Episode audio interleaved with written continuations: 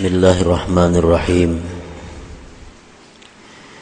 الحمد لله الذي قال ونفس وما سواها فألهمها فجورها وتقواها قد أفلح من زكاها وقد خاب من دساها أشهد أن لا إله إلا الله وحده لا شريك له شهادة من عرف معناها. وأشهد أن سيدنا محمدا عبده ورسوله خير الخليقة وأتقاها. اللهم صل وسلم على سيدنا محمد أفضل البرية وأسناها وعلى آله وصحبه وذريته وأتباعه خير الأمة وأزكاها. أما بعد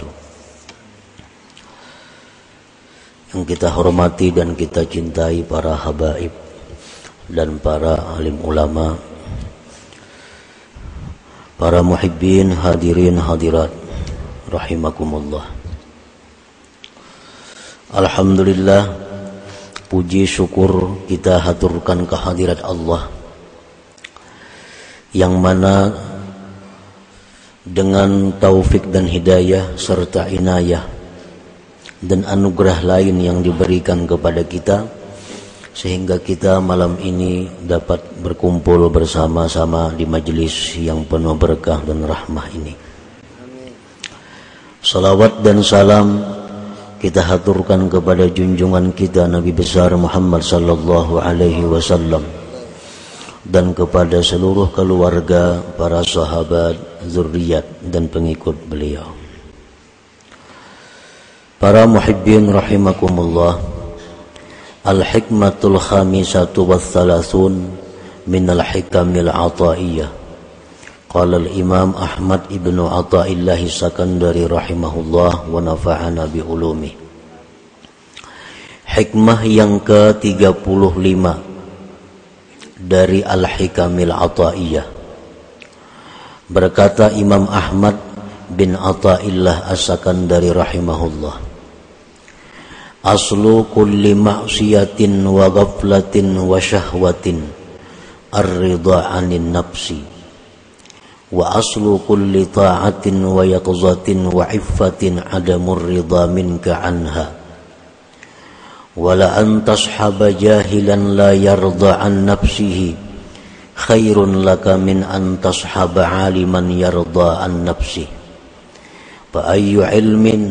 an nafsihi wa ayyu jahlin li jahilin la yarda an nafsihi yang artinya bermula asal sumber tiap-tiap maksiat kelalaian dan keinginan-keinginan jahat.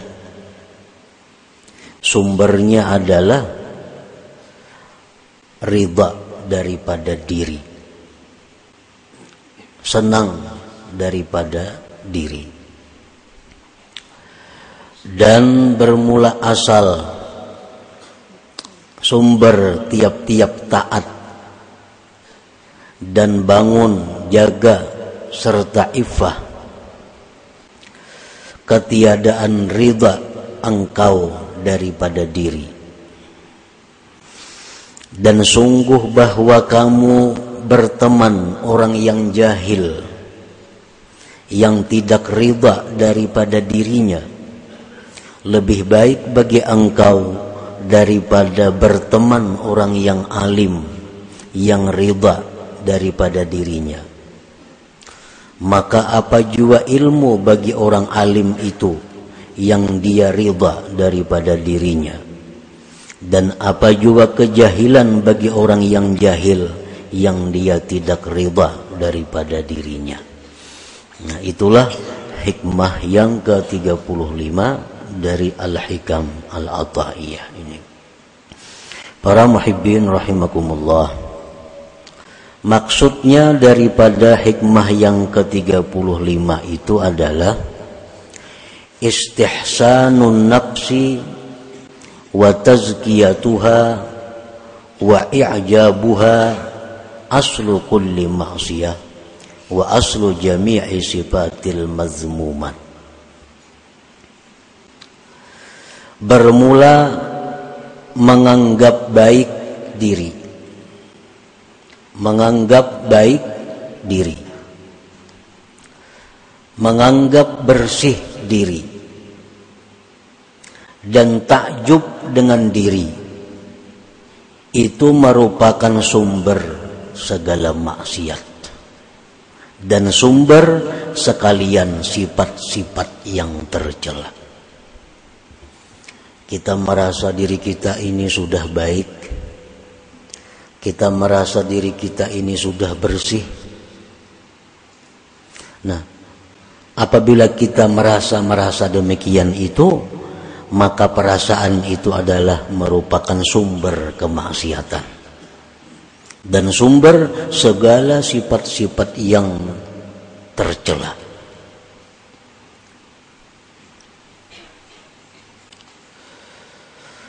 Paman istahsanaha wa zakkaha wa a'jabaha istaulat alaihi al-ghaflah wa man istaulat alaihi al-ghaflah ghalabathu syahwah wa man ghalabat alaihi syahwah waqa'a fil ma'asi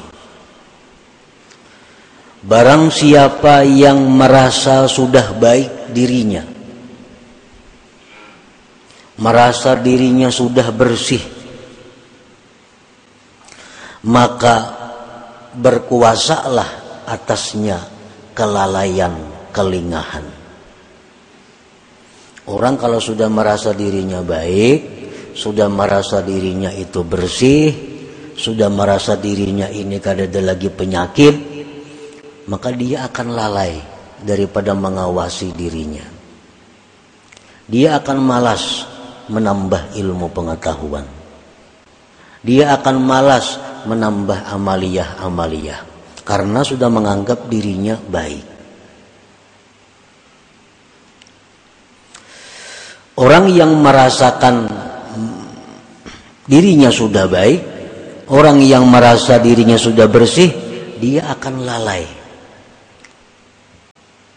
Dan orang yang lalai itu dikalahkan oleh syahwat, oleh keinginan-keinginan yang negatif yang tidak baik. Dan barang siapa yang dikalahkan oleh syahwatnya, oleh keinginan-keinginan jahatnya, maka dia pasti akan terjatuh di dalam kemaksiatan-kemaksiatan. Nah, para muhibbin rahimakumullah, Allah Subhanahu wa taala berfirman, "Fala tuzakku anfusakum huwa a'lam bimanittaqa." Dengan tegas Allah berfirman, jangan kamu menganggap bersih diri kamu. Jangan merasa harat. Jangan merasa sudah pak alimnya. Jangan merasa sudah pembanyaknya ibadah. Jangan merasa tinggi ilmu. Allah yang tahu siapa-siapa orang yang takwa kepadanya itu. Nah, jadi memuji diri memuji diri itu berarti adalah menganggap dirinya baik.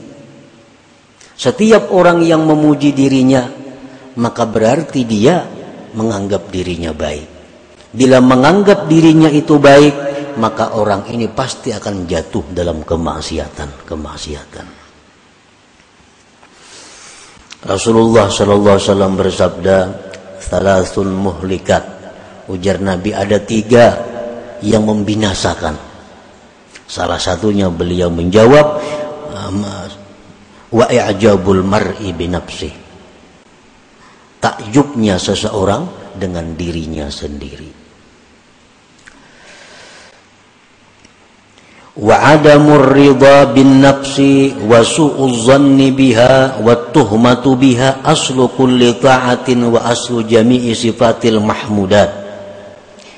Ketiadaan riba dengan diri. Dia merasa dirinya nih kada baik dan buruk sangka dengan dirinya. Buruk sangka dengan diri sendiri dan tidak percaya dengan diri sendiri. Itu merupakan sumber segala taat. Sumber segala taat. Dan sumber sifat-sifat yang terpuji.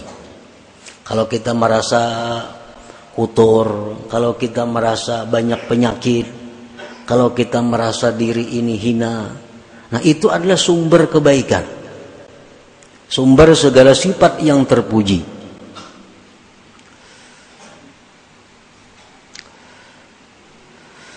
Paman istakbahaha wa asa dhanna biha wattahama biha intabaha wa tayaqqaza wa tatabba'a uyubaha wa raqabaha Barang siapa yang merasa dirinya itu jahat dan dia berburuk sangka dengan dirinya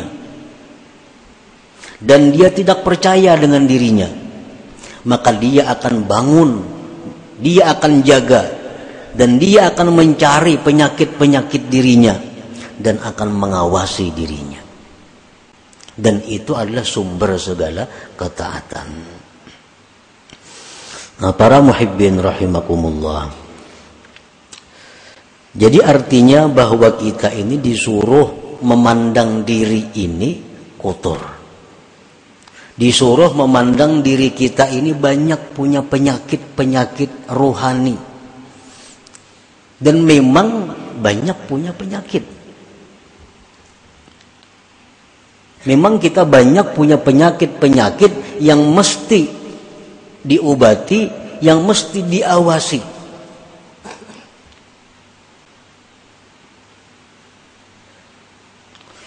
Imam Ghazali rahimahullah berkata, "Idza aradallahu bi 'abdin khairan bassarahu bi uyubi nafsihi." Apabila Allah menghendaki seorang hamba itu menjadi seseorang yang baik, Allah perlihatkan penyakit-penyakit dirinya.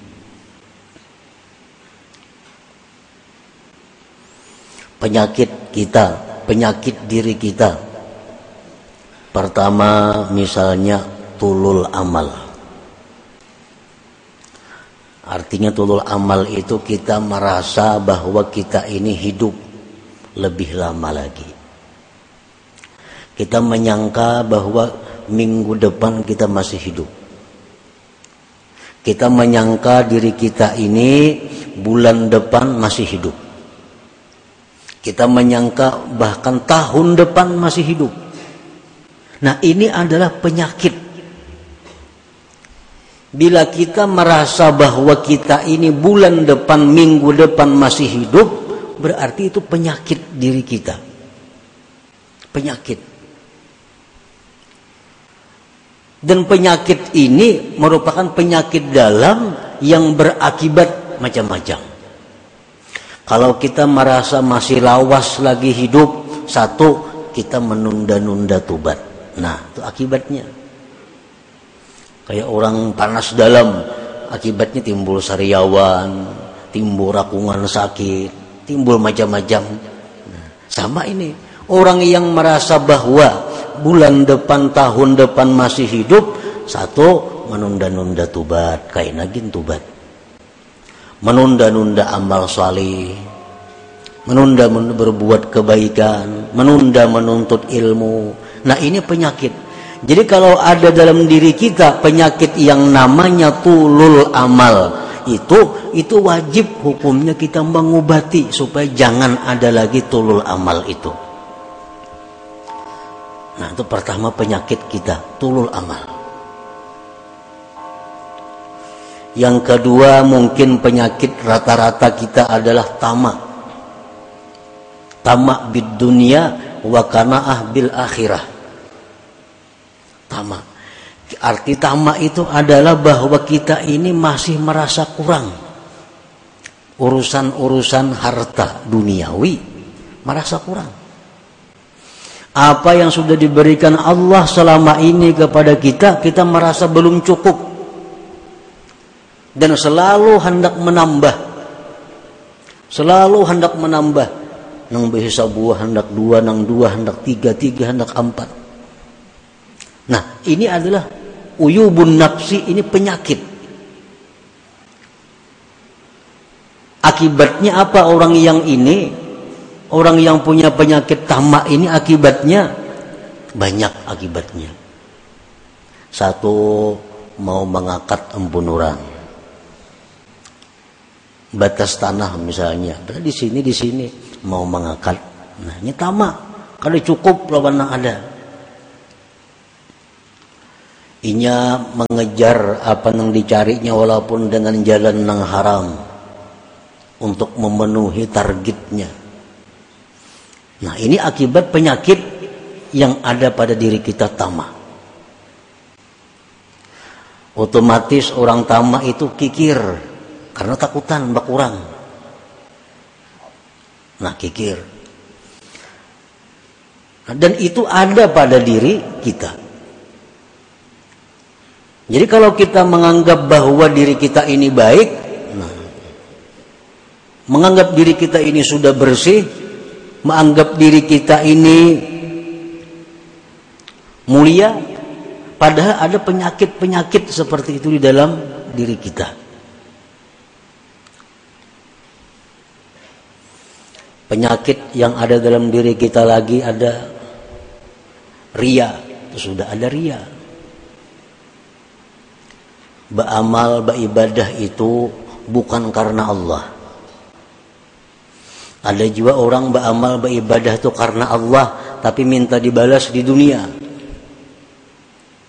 Ria juga. Orang baca surah waqiah mudahan dapat rezeki berlimpah ruah Orang membaca amalan ini supaya jadi orang dimuliakan oleh manusia.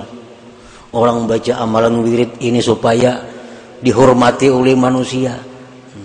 Walaupun dia itu karena Allah, tapi tujuannya manfaat amalan itu dalam dunia. Nah ini pun kalau ada dalam diri kita penyakit.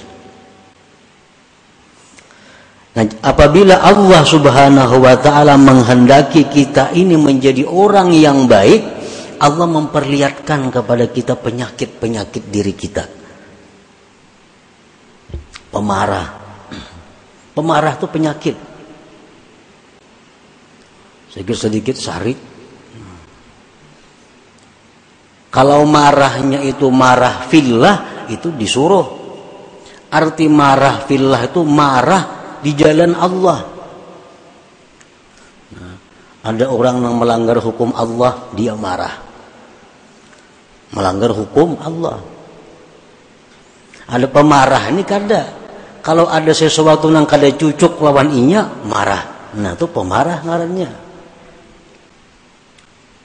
Dan pemarah ini penyakit. Bisa berakibat dendam, bisa berakibat berniat buruk kepada orang lain. Nah, bermula dari pemarah. Orang yang merasa dirinya pemarah itu wajib hukumnya fardu ain menghilangkan penyakit pemarah itu. Sebab dengan adanya marah itu kita dipermainkan syaitan seperti bola. Ditendangnya ke sana, tendangnya ke sini. Dan orang yang sudah pemarah itu berkata-kata yang tidak terukur lagi. Kada tahu orang tua, kada tahu kuitan, kada tahu siapa. Bila sudah marah itu macam-macam. Nah, Allah Subhanahu wa taala memuji di dalam Al-Qur'an wal kazimin al ghaiza. Orang-orang yang mampu menahan marahnya.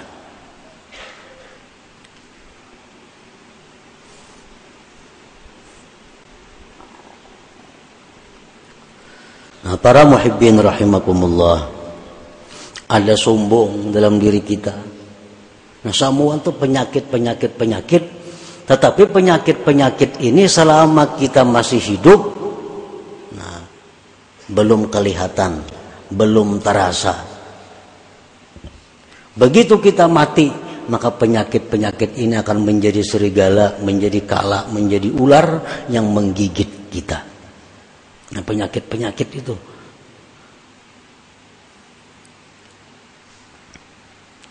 Apabila Allah Subhanahu wa taala menghendaki kita ini menjadi orang yang baik, Allah perlihatkan kepada kita tentang penyakit-penyakit diri kita. Nah, jadi wajib kita nih berubat. Nah, berubat lawan orang yang mengerti masalah itu.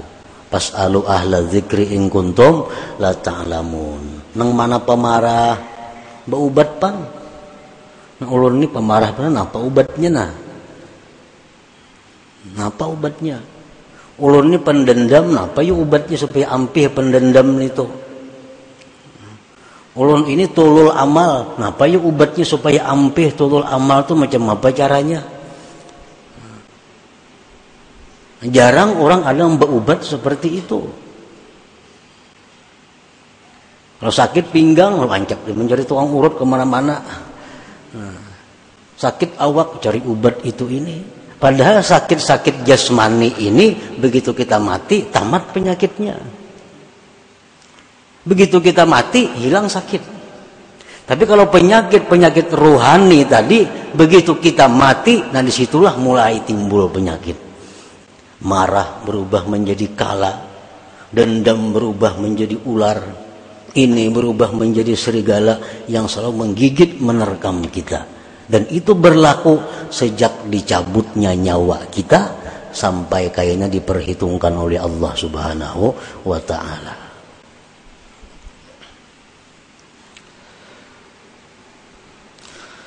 Para muhibbin rahimakumullah.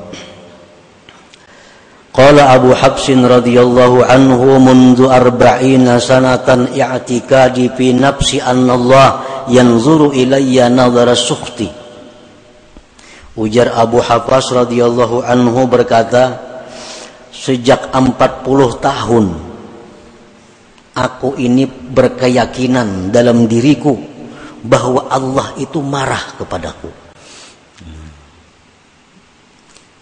Padahal ini orang wali, Abu Habsin radhiyallahu an. Ujar Sidin sejak 40 tahun yang lalu aku tuh berkeyakinan dalam hatiku ini Allah tuh selalu marah kepadaku.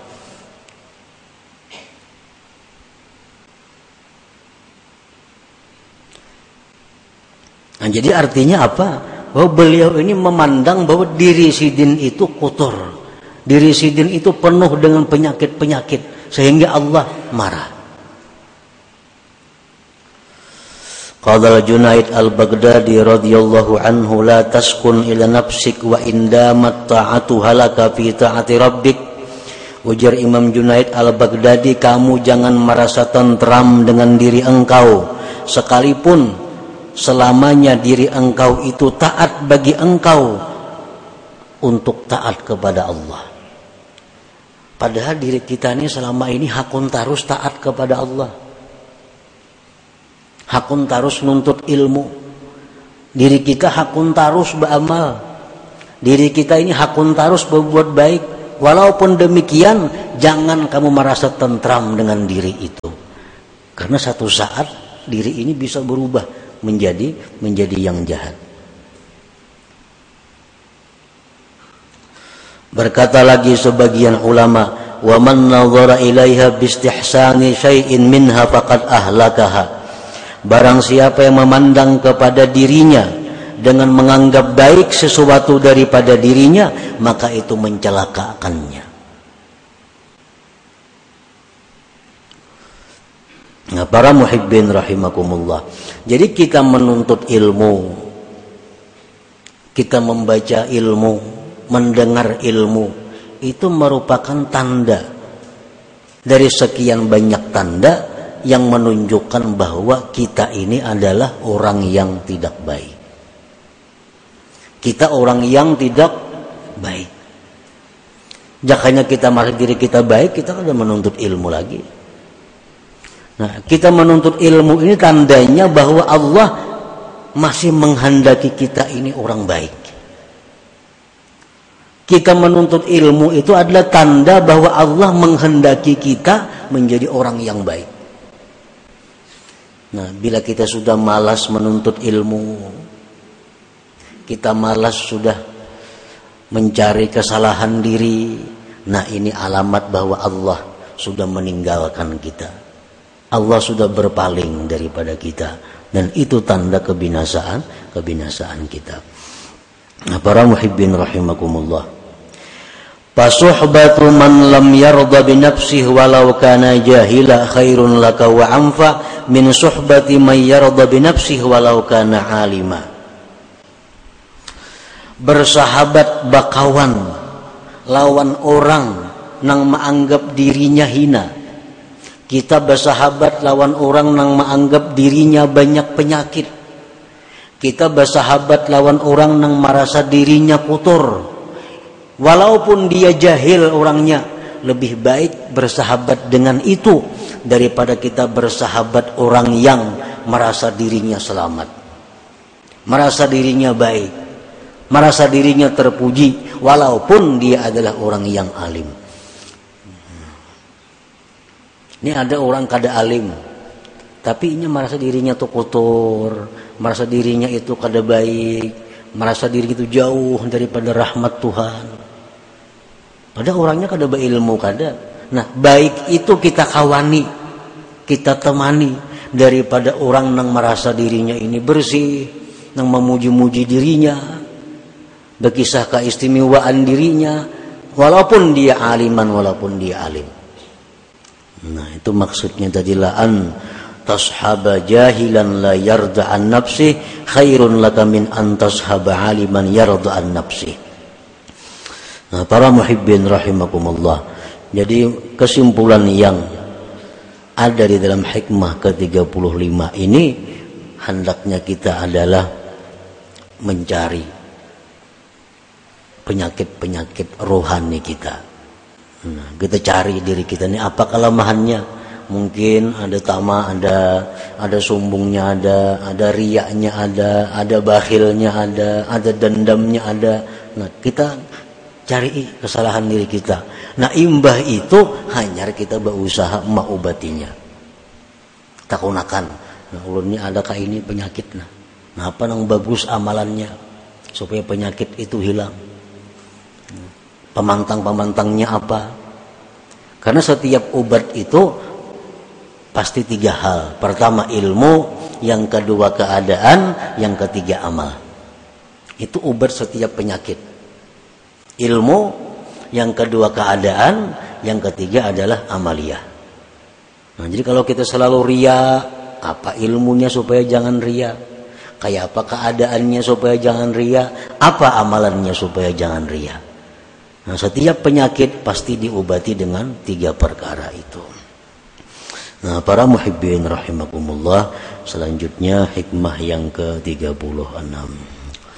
Ila hadratin Nabi sallallahu alaihi wasallam al-Fatihah. Rajim. Iyyaka na'budu wa iyyaka nasta'in. Ihdinash mustaqim. Ladzina an'amta 'alaihim.